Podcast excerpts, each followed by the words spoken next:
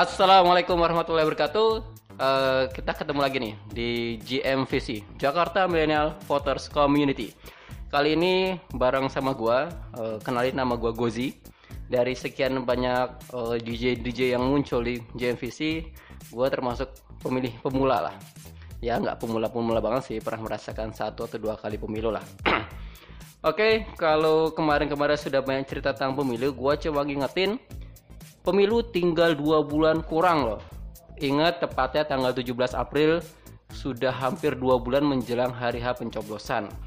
Nah kali ini gue hadir. Sekarang gue mau cerita tentang fakta-fakta terbaru atau fakta-fakta yang paling unik tentang pemilu di 2009.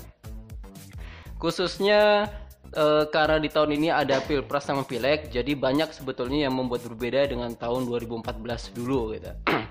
nah makanya hari ini uh, di edisi podcast kita kali ini gue hanya fokus menceritakan masalah data-data dan fakta yang akan muncul di pemilu 2019. Oke, yang pertama gue akan coba sedikit sampaikan satu, membeberkan satu fakta pertama kali. Ya, sejak era reformasi sampai sekarang itu ternyata fakta pertama yang sangat mencengangkan ini pertama kalinya pilpres sama pileg itu digabung ya dilaksanakan serentak di 33 provinsi dari Sabang sampai Merauke uh, ini pilpres kita rasakan yang terbesar karena digabung dengan uh, pileg ya. Itu fakta pertama.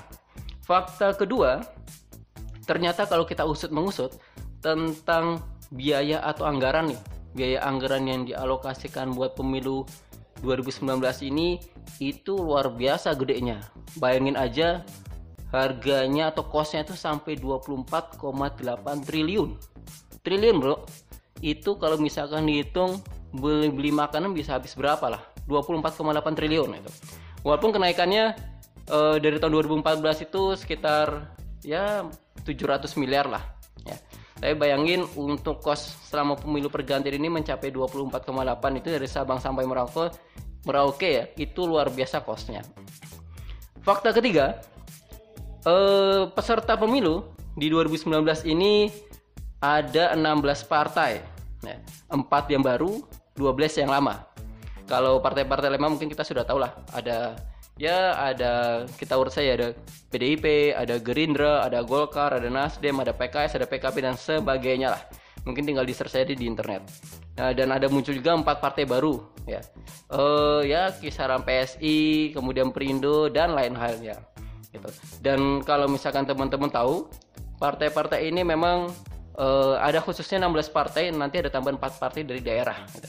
kalau nggak salah di daerah Aceh tambahannya fakta keempat di 2019 ini nanti akan ada kita pilih uh, eh, 5 surat suara 5 suara kita akan mencoblos lah ya jadi kalau nanti teman-teman datang untuk ke TPS itu nanti akan disodorkan dengan 5 surat suara yang cukup mencengangkan kalau misalkan teman-teman tahu ya. Kenapa? Karena surat suara yang teman-teman akan terima itu bisa jadi gedenya itu hampir sama kayak ano lah ya mungkin hari badan leher sampai ke bawah itu teman-teman akan mengisi itu yang namanya mencoblos salah satu surat suara yang nanti dibagikan ketika di TPS kalau gua sampein aja lima surat suara itu nantinya ada beberapa warna ya.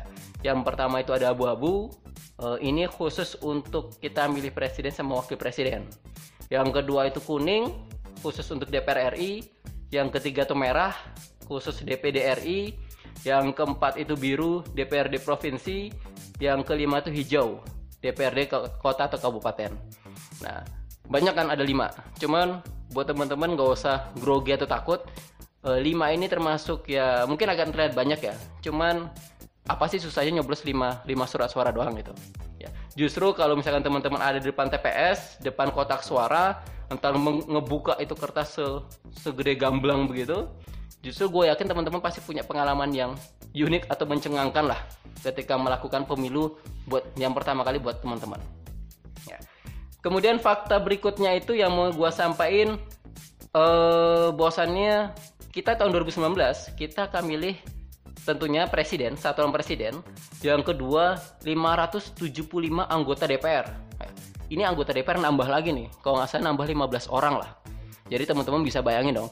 uh, dari seluruh Indonesia kita akan memilih sebanyak 575 orang anggota DPR. Harusnya kita bisa nuntut kerjaan DPR tuh ngapain aja sih selama nanti di sidang paripurna dan sidang-sidang yang lainnya.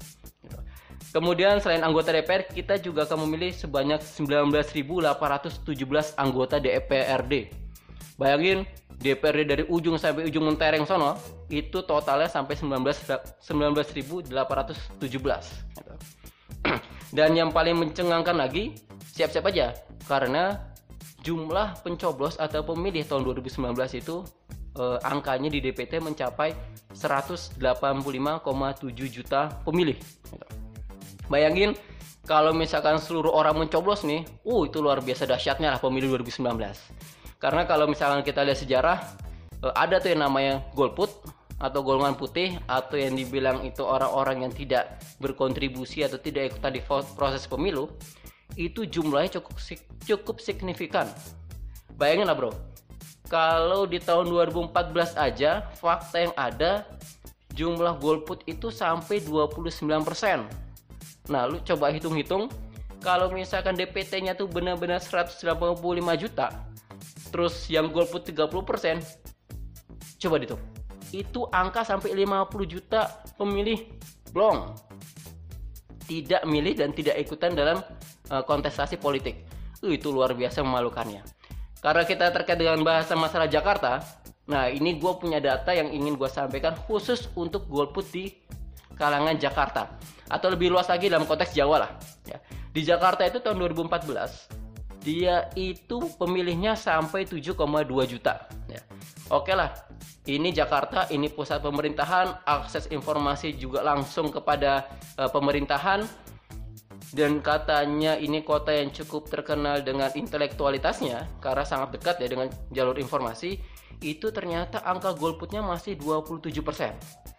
Jadi bayangin 1,9 atau 2 juta lah.